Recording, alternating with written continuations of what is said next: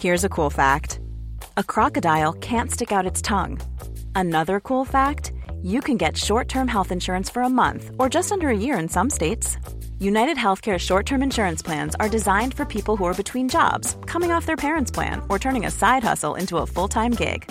Underwritten by Golden Rule Insurance Company, they offer flexible, budget friendly coverage with access to a nationwide network of doctors and hospitals. Get more cool facts about United Healthcare short term plans at uh1.com. Hey, it's Ryan Reynolds, and I'm here with Keith, co star of my upcoming film, If, only in theaters, May 17th. Do you want to tell people the big news? All right, I'll do it. Sign up now and you'll get unlimited for $15 a month in six months of Paramount Plus Essential Plan on us. Mintmobile.com slash switch. Upfront payment of $45 equivalent to $15 per month. Unlimited over 40 gigabytes per month. Face lower speeds. Videos at 480p. Active Mint customers by 531.24 get six months of Paramount Plus Essential Plan. Auto renews after six months. Offer ends May 31st, 2024. Separate Paramount Plus registration required. Terms and conditions apply if rated PG. Hiring for your small business? If you're not looking for professionals on LinkedIn, you're looking in the wrong place. That's like looking for your car keys in a fish tank. LinkedIn helps you hire professionals you can't find anywhere else, even those who aren't actively searching for a new job but might be open to the perfect role. In a given month, over 70% of LinkedIn users don't even visit other leading job sites. So start looking in the right place. With LinkedIn, you can hire professionals like a professional. Post your free job on linkedin.com slash people today. Helt siden de første menneskene slo seg ned i Trøndelag, har det blitt observert underlige lys over Hessdalen. Fenomenet har blitt forsøkt bortforklart som syner sett av bygdetullinger og deliriske hallusinasjoner forårsaket av den lokale drikkekulturen. Men det skulle vise seg at fenomenet stakk langt dypere, når Hessdalen-fenomenet fikk verdensomspennende oppmerksomhet i ufo-miljøet på 1980-tallet. Fenomenet er fremdeles der, og det er fremdeles like uforklarlig som den gang. I 2024 kommer en podkastserie i seks deler, produsert av Project Hessdalen, som kanskje en gang for alle skal finne svar på hva som rører seg på himmelen i denne bortgjemte dalen i Trøndelag. Serien har som seg hør og bør fått tittelen A Blaze in the Northern Sky, og den kommer til din favorittpodkastavspiller i 2024.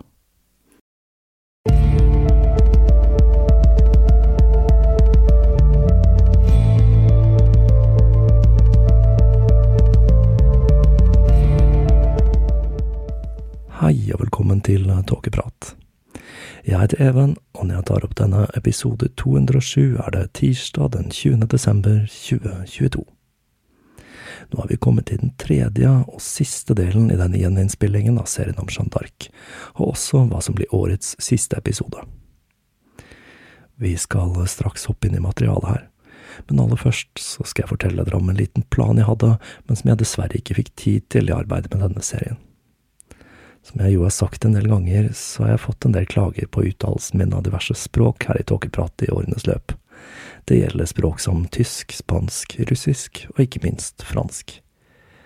Siden jeg skulle gjøre denne serien på ny, hørte jeg med en kollega av meg som er fransk, om vi kunne lage et lite språkverksted i forbindelse med denne serien, og hun kunne drille meg i uttalelsen min av franske stedsnavn og lignende. Men tiden, den løp litt ifra oss men til tross for at det ikke er blitt noe opptak, så har jeg sjekket en del ord med henne. Det siste stedsnavnet jeg nå har skjønt uttales Res, altså byen som staves Reims. For meg var det helt ulogisk, siden man normalt ikke uttaler s-en i slutten av ord på fransk. Men sånn er det bare. Etter å ha sagt hvordan jeg sier diverse navn, så sa hun at uttalen min stort sett ikke var så verst, og ikke minst så sa hun at franskmenn har en tendens til å være veldig petimetere på hvordan franske ord og uttrykk uttales. Så bang, der har dere den, franskmenn. Og med det hopper vi bare rett inn i denne årets aller siste episode av Tåkeprat.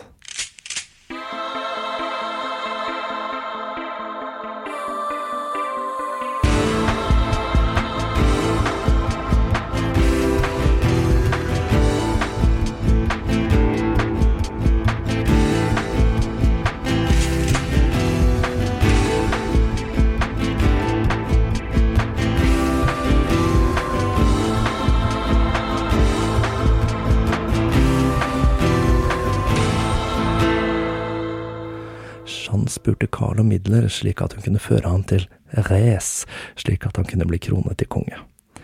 Etter den spektakulære seieren i Orléans var det ikke spesielt vanskelig å overtale ham, men siden Carl var rimelig skrapa etter år med krig, så tok det nærmere en måned å samle sammen det hun trengte. Denne måneden brukte Jeanne på å lære seg mer om krigføring, i tillegg til å bli bedre på hesteryggen. Den 8. juli var hun klar til å ri ut igjen, og hun førte hæren mot den engelsklærede byen Jargeau. Den 11. begynte et angrep mot forstedene, og soldatene som holdt til der, ble jaget på flukt. Etter dette dikterte hun et brev til okkupantene i byen, med et løfte om at de ville bli spart om de overga seg, men dette ble avslått av engelskmennene. De franske troppene startet angrepet med å avfyre kanonader mot festningsmurene om natten. Om morgenen etter var murene fulle av sprekker, og de hadde klart å ta ut et tårn. Men til tross for dette virket et direkte angrep som litt i overkant dristig, spesielt siden de visste at det var engelske forsterkninger på vei. Kapteinene til Jeanne foreslo at de skulle trekke seg tilbake, eller eventuelt avskjære forsterkningene før de kom til byen. Dette falt selvsagt ikke i god jord hos Jeanne. Responsen hennes var å marsjere mot bymuren med banneren hevet høyt mens hun ropte slagord. Responsen fra engelskmennene på sin side var et regn med stein. En av disse traff Jeanne i hodet, og hun ble slått i bakken. Men tror dere dette stoppet Jeanne? Nei da, hun reiste seg igjen og skrek til troppene at de ikke, ikke kunne tape fordi de hadde Gud på sin side. Dette fyret de franske troppene tilstrekkelig opp til at de startet et stormangrep, og de klarte å ta byen på kun fire timer. Det var enda et mirakel fra den 17-årige jenta, og det var ikke lenger mange som tvilte på at Jeanne faktisk var sendt fra Gud, iallfall ikke på fransk side. Jarlen av Seffolk ble tatt til fange i dette angrepet, og han fortet seg å slå de som tok han til fange, til riddere, slik at han kunne si at han nettopp var blitt fanget av riddere, og ikke av menige franske soldater. Fangene ble ført til Orléans før hæren satte kursen videre vest mot byen Meung, hvor noen av de engelske troppene hadde søkt tilflukt etter slaget om Orléans. Kapteinene til hæren, Talbot og Scales, hadde forskanset seg i et festningsverk utenfor byen, og de ble drevet på flukt og søkte dekning innenfor bymurene, før hæren dro videre til Bogensy, hvor det var enda en engelsk garnison. Angrepet startet den 15. juni. Dagen etter fortalte en budbringer at John Fastloft og forsterkningen hans, som egentlig skulle til Jagerot, nå kom til unnsetning i boken sin. De fikk også beskjed om at greven av Rikmont var på vei med tusen mann, og dette skapte litt bekymring. Han hadde nemlig havnet i unåde hos Carl etter noen intriger ved hoffet, men de hadde ikke trengt å bekymre seg. Han kom nemlig fordi han hadde hørt om bragdene til Jeanne, og han sverget igjen troskap til Carl, og troppene hans sluttet seg til den armaniakiske hæren. Med den massive hærstyrken utenfor byen så ikke engelskmennene noen annen mulighet enn å overgi seg, og når nyheten om tilbaketrekningen nådde resten av den engelske hæren, bestemte de seg for å trekke seg nordover og lage forsvarsposisjoner der. Men Jeanne var ikke ferdig. Hun var fast bestemt på å drive engelskmennene tilbake, og i løpet av en periode på syv uker klarte hun, i slag etter slag, å rense områdene rundt Loire for engelske soldater. Etter dette stasjonerte hun seg i festningen Sully-sur-Lour, hvor hun raskt vente seg til et liv i sus og dus, og begynte å kle seg i finstas og drakk vin. Og akkurat det er noe som kom til å slå tilbake på henne senere. Veien fremover, den var klar. Selv om det lå 16 mil med fiendtlig territorium mellom Carl og katedralen i Res, var det dit de måtte, ifølge profetien til Jeanne. Etter seierne hun hadde ført den til, var det god grunn til å høre på henne, og med Jeanne i spissen for den armaniakiske hæren hadde flere landsbyer på veien allerede skiftet allianse fra Burgund til Armagnac, noe som ville gjøre reisen dit litt enklere. Carl samlet en hær på tusen mann og begynte på ferden. Han sendte et sendebud foran seg med beskjed om at alle som underkastet seg, ville bli tilgitt tidligere illojalitet. Den første byen de kom til, Auxerre, gjorde nettopp dette, og hæren kunne reise videre uten konfrontasjon. Men i den neste byen, Troy, møtte de lukkede porter. De hadde sverget troskap til den engelske kongen, og de var svært vanskelig å overtale. Men det hadde skjedd noe i Troy noen måneder før hæren til Carl kom En munk ved navn broder Richard hadde dukket opp, og han hadde fortalt befolkningen at Antikrist var på vei. Han var en skikkelig svovelpredikant, og talene hans om synd og helvete var så ille at byen hadde foretatt massebrenninger av kort, terninger, brettspill og andre gjenstander som ble ansett som syndige. Når Jean troppet opp utenfor bymurene, bestemte befolkningen seg for å sende ut broder Richard, slik at han kunne sjekke om Jean var sendt fra Gud eller fra djevelen. De hadde nok regnet med at han skulle konkludere med at hun var syndig, men sånn gikk det ikke. Han ble så imponert at han kom tilbake med et brev hun hadde diktert, hvor Jeanne på sitt vanlige storslagne vis erklærte at dersom de underkastet seg, ville de bli spart, men dersom de motsatte seg, ville de bli utslettet. Myndighetene i byen syntes ikke at dette var spesielt imponerende, og de erklærte at broder Richard var en ond trollmann, og at Jeanne var ei gal jente som var inspirert av djevelen, for de brant brevet og sendte en budbringer til Rees med en bønn om forsterkninger fra Bedford og hertugen av Burgund. Og så begynte beleiringen.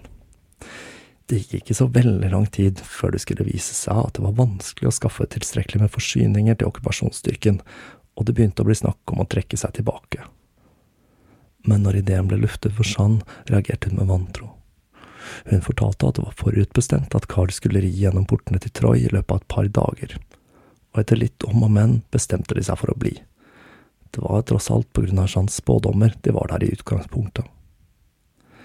Hæren begynte å rigge til beleiringsutstyr og kanoner, mens Jeanne red mellom troppene og skrek ut kommandoer.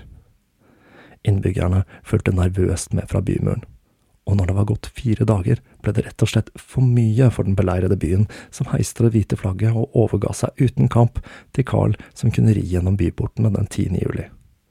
Enda en av Jeans profetier hadde gått i oppfyllelse. Nå skrev myndighetene i Troy et nytt brev til Rez, denne gangen med en bønn om at også de skulle overgi seg og overlate byen til Frankrikes rettmessige hersker, Carl den sjuende. Og slik gikk det, hele veien til Res. By etter by underkastet seg Karl, og når hæren var to mil fra Res, kom et sendebud med en beskjed om at de også hadde underkastet seg. Allerede dagen etter de kom dit, ble Karl kronet til konge av erkebiskopen, som velsignet han med den hellige oljen fra Klodvig. Etter kroningen falt Jean på kne og erklærte, Guds vilje er skjedd, mens tårene strømmet nedover ansiktet hennes.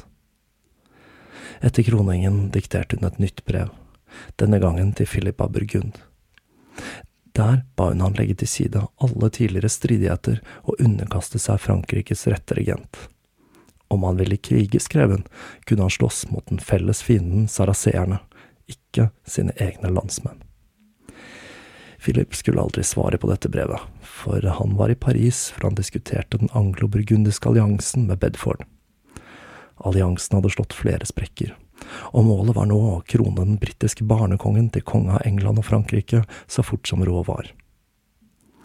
Hertugen av Burgund irriterte seg over at han til stadighet måtte bevise sin lojalitet overfor England, mens England og Bedford på sin side ergret seg over at de var nødt til å støtte Burgund økonomisk. Mens Bedford begynte å forberede seg på at de armaniakiske troppene skulle angripe Paris, dro Philippe til festningen sin i Artois. Bedford på sin side forsterket bymuren til Paris og fikk forsterkninger, som besto av 250 ekstra fotsoldater og 2500 bueskyttere. Så satte han seg ned og skrev et brev til Carl.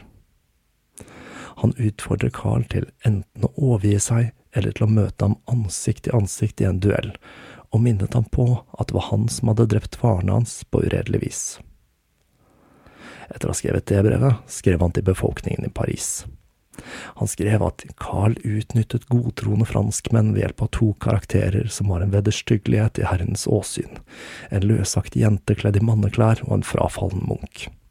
Og denne frafalne munken, det var nemlig broder Richard, for han hadde blitt så imponert over Jeanne at han hadde blitt med i den armaniakiske hæren.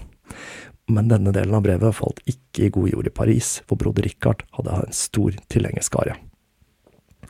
Han avsluttet med å skrive at Gud, som den eneste rette dommer i saken, ville vise at det var Henrik som var den rette regenten både i England og Frankrike.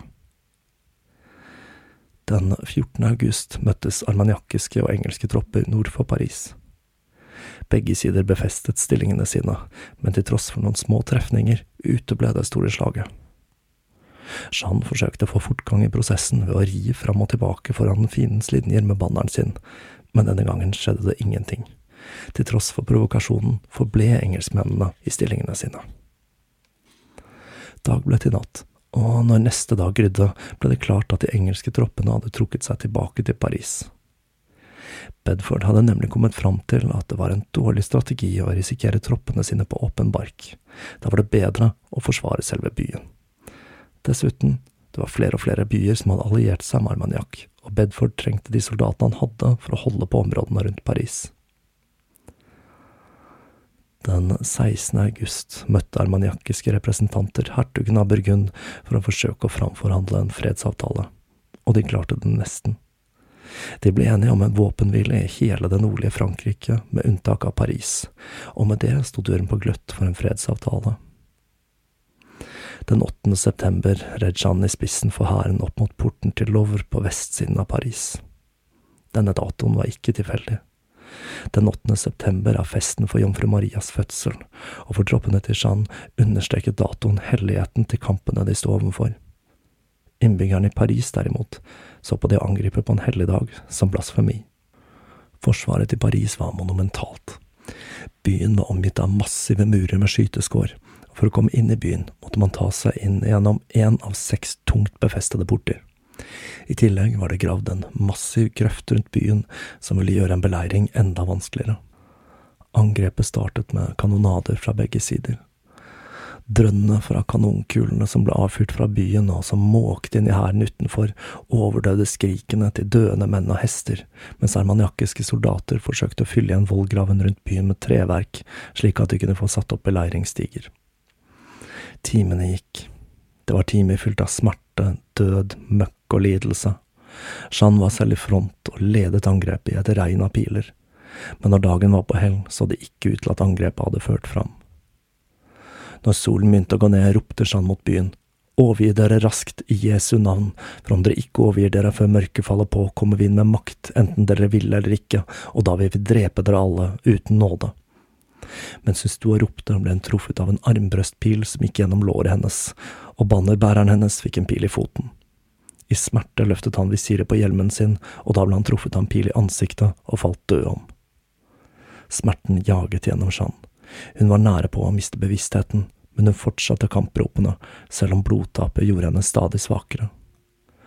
Da ordren om tilbaketrekning ble ropt, forsøkte hun å stanse den, men hun klarte ikke å gjøre motstand, og sterke hender løftet henne opp fra bakken og bar henne med tilbake i sikkerhet. Neste dag, da hun kom tilbake til bevissthet, var det første hun gjorde å beordre at angrepet skulle fortsette. Men til hennes store forskrekkelse fortalte hertugen av Alençon henne at Carl hadde beordret en full tilbaketrekning. Nedbrutt dro hun til Carl i Saint-Denis. Hun følte seg forrådt og mente at nederlaget i Paris var en direkte konsekvens av Carl sin manglende gudstro. I Paris, derimot, tok teologene nederlaget som et tegn på at Jeanne var sendt av djevelen, og igjen så hamret de inn dette med at det var en synd for kvinner å gå i mannsklær. Noen dager senere kom Bedford med forsterkningene sine, og mot slutten av måneden kom hertugen av Burgund, som ble utnevnt til guvernør av Paris, noe som naturlig nok dro han dypere inn i alliansen med England. Det enorme momentet Jeanne hadde hatt, var nå blitt stagget, men det var fremdeles mange som hadde troen på henne. Da hun klarte å gå igjen for egen maskin, ble hun sendt ut for å lede hæren denne gangen for å ta tilbake festningsbyen La Charité sur Loire fra en makthungrig opprører, Perinette Gressart, som hadde etablert sitt eget lille fyrstedømme der, og som hadde en svak allianse til England og Burgund. Jeanne klarte å ta byen i kjent stil, og selv om dette kun var en liten seier, så var det med på å bygge opp troen på henne igjen. Men så skulle hun få seg enda en knekk, når hæren måtte trekke seg tilbake etter å ha forsøkt å ta La Charité. Dette skjedde fordi det var en svært brutal vinter, og de ikke klarte å forsyne hæren. Jeanne trakk seg tilbake til Carl, som holdt til i slottet hans i Sully. Der var hun en slags life coach for de som fremdeles trodde på henne, men rollen hennes ble stadig mindre. Månedene gikk, og den anglo-burgundiske fraksjonen ble stadig sterkere, og de truet nå om å ta tilbake Les. I april red Jeanne ut i krigen igjen. denne gangen for å forsvare Compain, en by som hadde overgitt seg til Carl etter kroningen i Race. Byen hadde opprinnelig blitt gitt til hertugen av Burgund som en del av våpenhvileavtalen med Armagnac, men de var lite lystne på burgundisk styre, og nå var Philip på vei dit for å ta byen med makt. Byen hadde et solid forsvarsverk, og i likhet med Orléans så hadde den en viktig strategisk betydning. Samtidig som Jeanne planla forsvar av byen, ankom den da åtte år gamle barnekongen Henry Frankrike. Den 22. mai startet Jeanne angrepet mot den burgundiske hæren. Hun stormet ut av byportene med den armaniakkiske hæren bak seg, og først så klarte de å drive de burgundiske droppene tilbake. Men det ble snart klart at det hele var litt for lett. Burgundiske tropper avskjærte nemlig Jeanne fra byen, og soldatene der inne så seg nødt til å stenge porten. Omgitt av fiender kjempet de armaniakiske soldatene mot overmakten, men det var nytteløst. Jeanne ble brutalt revet ut av salen, og med det var jomfruen fanget av den burgundiske hæren.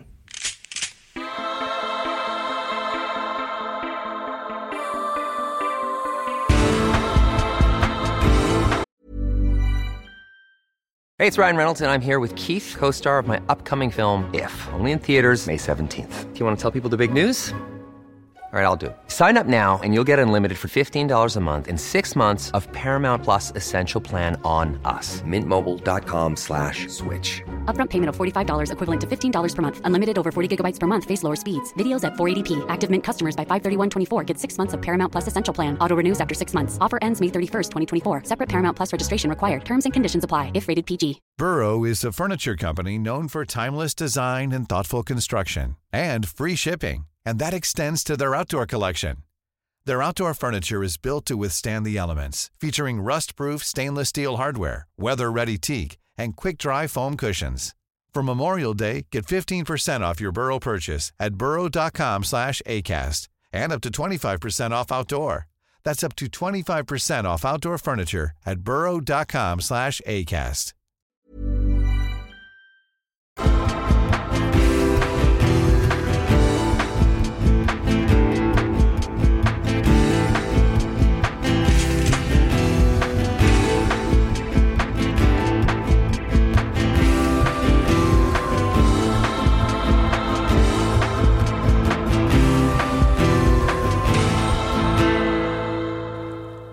Ifølge disse reglene som gjaldt i krig på 1400-tallet, er det personen som har tatt vedkommende til fange, som har rett til å kreve løsepenger.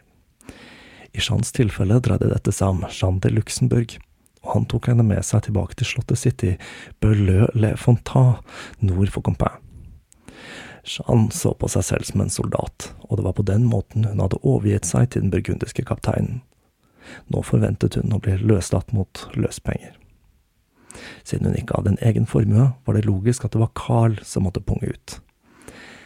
Men Jeanne, hun var ingen ordinær soldat. Erkebiskopen Rees reagerte på fangenskapet hennes med å skrive et brev til det armagnakiske Frankrike, der han skrev at det at hun hadde blitt tatt til fange, var en direkte konsekvens av at hun hadde vært for egenrådig og ikke hadde tatt imot gode råd. Samtidig hadde Carl allerede klart å skaffe seg et nytt sendebud fra Gud. Denne gangen dreide det seg om en gjetergutt som sa at Carl kom til å vinne til slutt, og at Jan hadde blitt straffet på grunn av sin manglende ydmykhet. Jeg kan tenke meg at alt dette hadde litt med at hun hadde begynt å drikke vin og gå i litt finere klær og sånn å gjøre. De armaniakiske teologene var ganske så enstemmige i at fangenskapet skyldtes at Jeanne hadde falt i unåde hos Gud på grunn av sitt eget hovmod. De engelske teologene derimot mente at dette var et tegn på at hun hadde vært styrt av djevelen hele veien, og de krevde nå at hun skulle bli overlevert inkvisisjonen. Jeanne Luxemburg rynket litt på nesen over dette forslaget. Han så nemlig for seg at han kunne håve inn en ganske betydelig sum ved å utlevere Jeanne. Det skulle være biskopene av BHV, Pierre Cancan, som fremmet et forslag om hvordan man kunne løse saken. Han var ikke spesielt glad i den armeniakiske fraksjonen, siden han hadde måttet gi fra seg bispedømmet sitt etter Carl ble kronet i race, og den gode Pierre han hadde lang erfaring med engelsk politikk. Han foreslo at England skulle betale løspenger for Jeanne, slik at hun kunne bli eksponert som kjetter, samtidig som Henrik ble kronet til konge. Det å finne en løsning på situasjonen med Jeanne begynte nemlig å haste, for det begynte å ulme i deler av den franske befolkningen som fremdeles trodde at Jeanne var sendt fra Gud.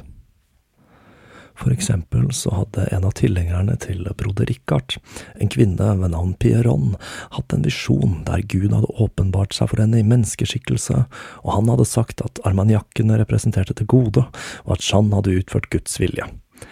Hun ble selvsagt brent så raskt råd var, men denne typen støtte var svært farlig for den engelske okkupasjonsmakten. Det var også en fare for at Jeanne kunne rømme. Hun hadde nemlig forsøkt å rømme én gang, og hadde derfor blitt flyttet til den mer sikre borgen Borevoir. Men også der hadde hun forsøkt å rømme.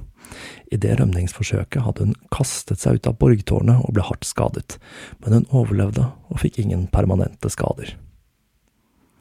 I november ble forhandlingene om Jeanne fullført, og hun ble overført til den engelskkontrollerte Rouen i Normandie julaften 1420. Det var nok en ganske kjip julaften for Jeanne, selv om vi i det minste må kunne si at strømprisene nok var mer på stell i 1420 enn de er i dag. Den 3. januar 1431 ble det sendt ut et skriv til alle undersåtter av England, underskrevet av den da ni år gamle kong Henrik. Her kunne man lese at Jeanne jomfruen hadde brutt Guds lover, drept engelskmenn og ikke minst kledd seg i manneklær. Videre kunne man lese at hun skulle stilles til rette for Gud og kirken. Den 21. februar 1431, etter Jeanne hadde vært soldat i 13 måneder og fange i sju, begynte rettssaken. Det var biskop Pierre Cacon og 42 av de fremste teologene i det engelskokkuperte Frankrike som deltok i den første åpne høringen av Jeanne. De hadde allerede gjort et grundig forarbeid, og hadde blant annet lett etter bevis mot henne i Dombremy, hvor hun hadde vokst opp.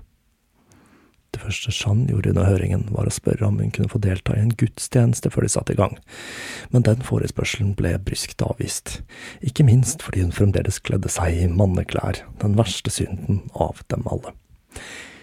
Men Jeanne virket alt annet enn redd. Hun var redusert og blek etter tiden i fangenskap, men gudstroen hennes var ikke blitt svekket, og hun hadde vært gjennom slike teologiske avhør før. Før høringen hadde det blitt utført enda en av disse jomfrusjekkene, denne gangen av hertuginnen av Bedford, som hadde bekreftet at Jeanne fremdeles var jomfru. Nå var det hennes spirituelle integritet som skulle prøves. Når hun ble bedt om å legge hånden på Bibelen og sverge og fortelle sannheten, nølte hun og sa, Jeg vet ikke hva dere vil spørre meg om, kanskje dere vil spørre meg om ting jeg ikke kan fortelle om. Hun sa videre at hun kunne fortelle dem om alt fra sitt jordiske liv, men at det var elementer av åpenbaringene hennes hun ikke kunne dele, siden hun trodde at hun ikke hadde tillatelse til å dele disse med andre enn kong Karl. Til slutt sverget hun på Bibelen at hun ville svare på alle spørsmål om sin kristentro, men ikke om åpenbaringene. Avhøret begynte, og hun svarte villig på spørsmål om oppveksten men da de spurte om hun kunne sitere Fader vår, så nektet hun og sa at dette var kun noe hun gjorde i skriftemål. Den neste dagen fortsatte avhøret i samme duren, men hun var nødt til å flytte til en annen sal da det var kommet enda flere teologer for å ta en del i prosessen. Det var nå totalt 48. Også denne dagen dukket det opp en del uventede ting. Når hun ble bedt om å avlegge eden på ny, nektet hun og sa jeg avla eden i går, det bør holde. Til slutt gikk hun med på avleggen på ny, etter å ha sagt dere sliter meg jo helt ut. Det var teologen Jean Baupère som ledet avhøret den dagen, og idet han skulle til å snakke, satte Jean blikket ham og sa hvis du visste hvem jeg er, skulle du ønske jeg ikke var her, jeg har kun handlet i henhold til hva som er blitt meg åpenbart. Berper spurte henne ut om stemmene, om hvilken side hun hørte dem fra, hvor ofte hun hørte dem, og hvor mange de var, på godt gammeldags inkvisisjonsvis. Jean svarte som best hun kunne, men når han tok opp dette evinnelige spørsmålet om manneklær, så nektet hun å svare. To dager senere var det klart for den tredje runden, denne gangen med hele 62 teologer til stede. Denne gangen nektet hun plent å sverge igjen på ny, og sa jeg har sverget to ganger, det er nok. Spørsmålene om stemmene fortsatte. På et tidspunkt henvendte hun seg til biskopen og sa, Du sier at du er min dommer, vær varsom i dine valg, for jeg er i sannhet sendt av Gud, og du utsetter deg selv for stor fare. Mot slutten av dagen dro de fram historien om fetreet i Domremy som barna hadde ofret blomsterkranser til. Teologene poengterte at det ikke fantes veer. Det var jo overtro, det visste jo alle. Dette dreide seg om demoner i forkledning, kunne de fortelle. Jeanne på sin side sa at hun aldri hadde gitt blomsterkranser til feene, og hun hadde aldri danset rundt treet med de andre barna. Eneste, den eneste hun hadde lagd blomsterkranser til, sa hun, var jomfru Maria. Før de sendte henne tilbake til cellen, spurte de om hun ikke ville ha en kjole. Til det svarte hun at om dere gir meg en, så vil jeg ta imot, om ikke er jeg fornøyd med klærne jeg har, så lenge de behager Gud.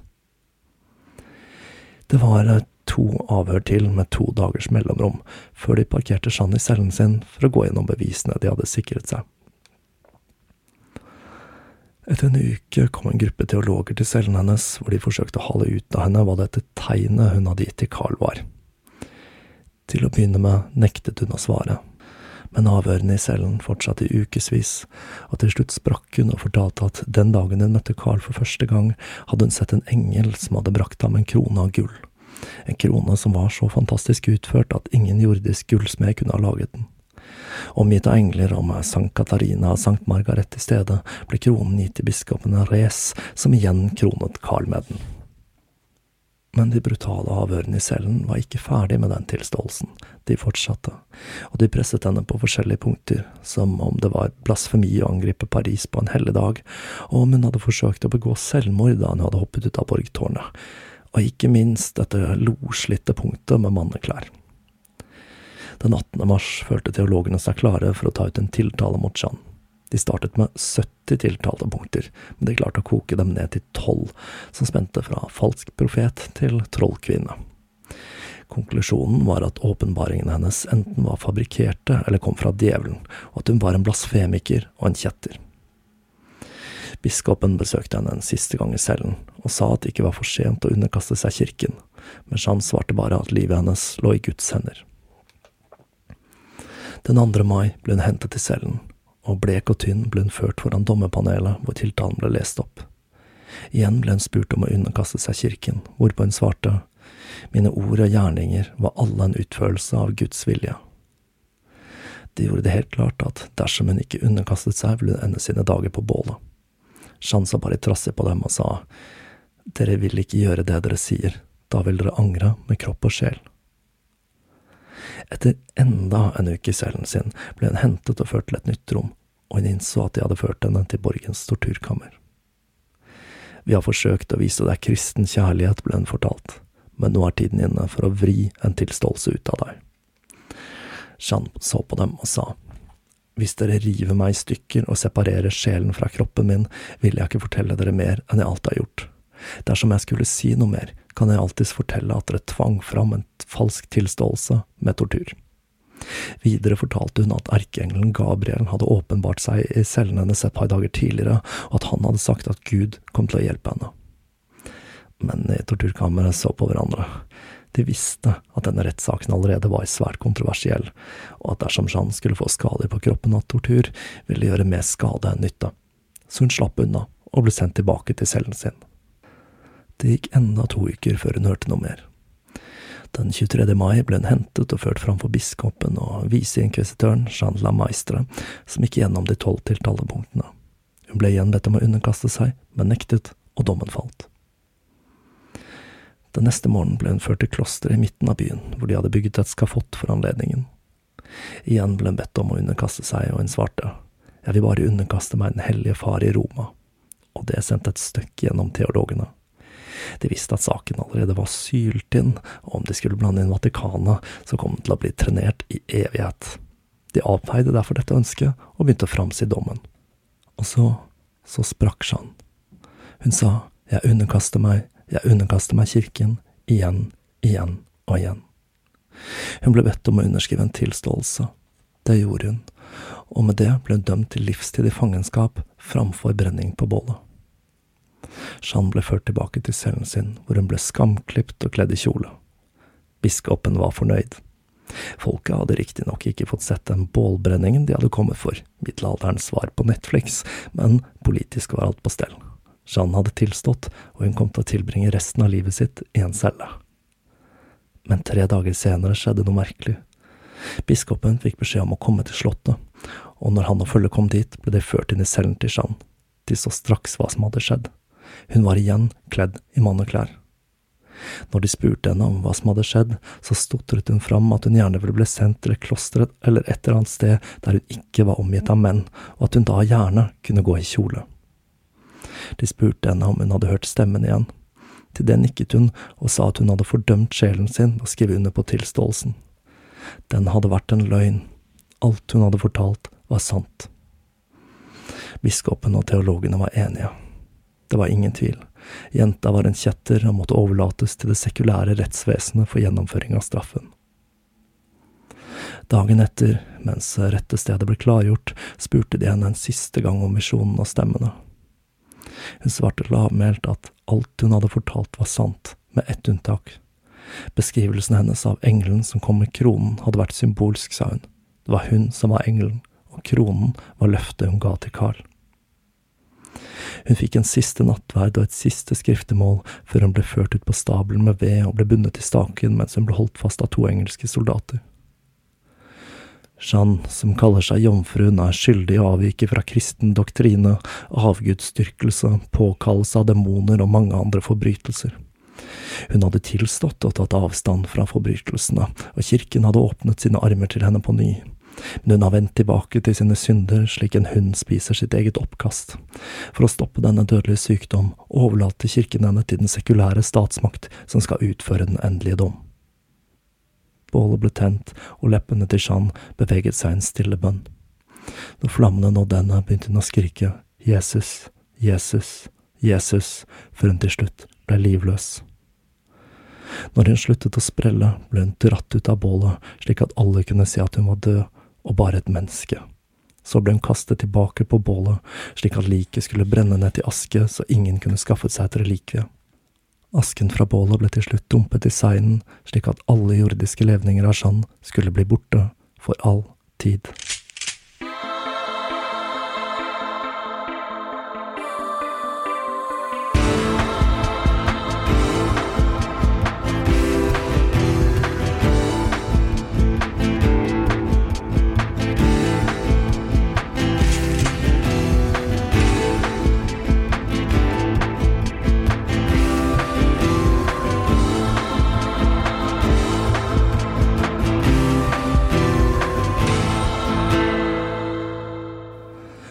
Jeanne var ikke glemt. Mens krigen raste videre, levde historien om minnet om henne i beste velgående, og det ble sterkere for hvert år som gikk. I Orléans ble den 8. mai feiret som frigjøringsdag, og Gilde Ree satte opp et storslagent skuespill om Jeans liv i 1435, fem år før han selv skulle bli dømt til døden for en rekke bestialske barnedrap. Den 10. november 1449 red Carl inn i Rouen, byen som hadde vært Englands hovedsete i Frankrike i mer enn 30 år. Med Joyous C ved sin side, hesten drapert med flor de lis og banneren til Sankt Mikael hevet høyt over hodet, red han inn i byen. Han stoppet ved Notre-Dame for å takke Gud for seieren som var blitt skjenket ham. Det var ikke langt unna elven, der asken fra en 19 år gammel jente hadde blitt dumpet 20 år tidligere. Året etter snakket han for første gang offentlig om rollen Jeanne hadde hatt i frigjøringen av Frankrike og han tok initiativet til å renvaske henne. Da kom det fram at Jeanne hadde blitt forsøkt voldtatt i cellen sin, og at vaktene hadde tatt kjolen hennes og kastet inn manneklær til henne etterpå. Den 7. juli 1456 ble dommen mot henne annullert. Og historien fortsatte å vokse i årene som gikk. Den 16. mai 1920 samlet tusenvis av mennesker seg foran St. Peters basilika for kanoniseringen av Jeanne en prosess som hadde blitt påbegynt i 1896 da biskopen av Orléans hadde lest manuskriptene fra rettssaken og bedt kirken vurdere om Jeanne faktisk var et sendebud fra Gud. Sendebud fra Gud eller ikke. Historien om Jeanne d'Arc er og forblir en av de mest spektakulære historiene i europeisk historie. I alle fall om jeg har noe jeg skulle sagt om den saken men det som gjorde mest inntrykk i samtiden, var tydeligvis at en kvinne gikk i bukser. Og med det avslutter vi denne andre runden om Jeanne d'Arc, og jeg er meg klar for å ta et par uker juleferie fra podkasten. Som jeg sa i forbindelse med episode 200, så blir det ikke juleprat i år, siden jeg allerede har oppsummert de 200 første episodene. Til neste år blir det en ny runde med episoder, og jeg har allerede en del tema klare, så her er det bare å glede seg. Det ser også ut til at jeg dukker opp i forbindelse med en podkastfestival i Drammen i januar, så om du holder til der i traktene, så er dette et gratis arrangement der det blir mulig å få med seg en live-episode av Tåkeprat. Sjekk ut Facebook-siden til Tåkeprat for mer info om den saken. Det jeg håper på for 2023, er at vi slipper flere ugreie overraskelser, som pandemier, krig og inflasjon. Det holder nå, føler jeg, og det hadde vært helt ok med et litt kjedelig år uten for mange store globale hendelser av det negative slaget. Men sett fra en annen side så har vi det utrolig mye bedre enn i Frankrike på 1400-tallet selv om jeg må si at det tidvis virker som om vi nærmer oss mer og mer et samfunn som forherliger et klasseskille av den typen som fører til giljotinen. Den som ikke lærer av historien, osv. Men i 2022 kan i det minste kvinner gå i bukser uten å bli brent på bålet, selv om enkelte steder i verden så kan det bli slått i hjel om de går uten rett hodeplagg. Man kan jo saktens spørre seg hvor langt vi egentlig er kommet. Da gjenstår det bare for meg å takke alle dere som har fulgt Tåkeprat dette året, ikke minst dere som støtter podkasten på Patrion, har donert via VIPS eller nettsiden, eller handlet i nettbutikken. Jeg håper at 2023 blir et år der denne podkasten kan vokse seg til nye høyder. God jul og godt nyttår til dere alle sammen.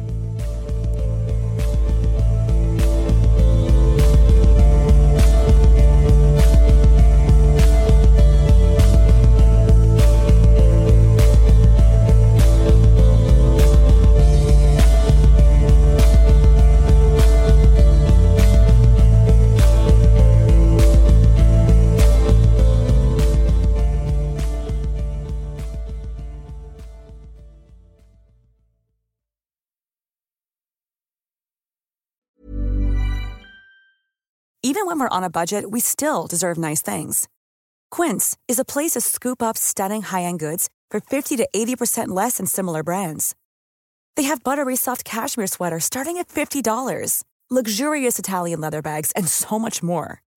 Plus, Quince only works with factories that use safe, ethical, and responsible manufacturing. Get the high-end goods you'll love without the high price tag with Quince. Go to quince.com/style for free shipping and 365-day returns.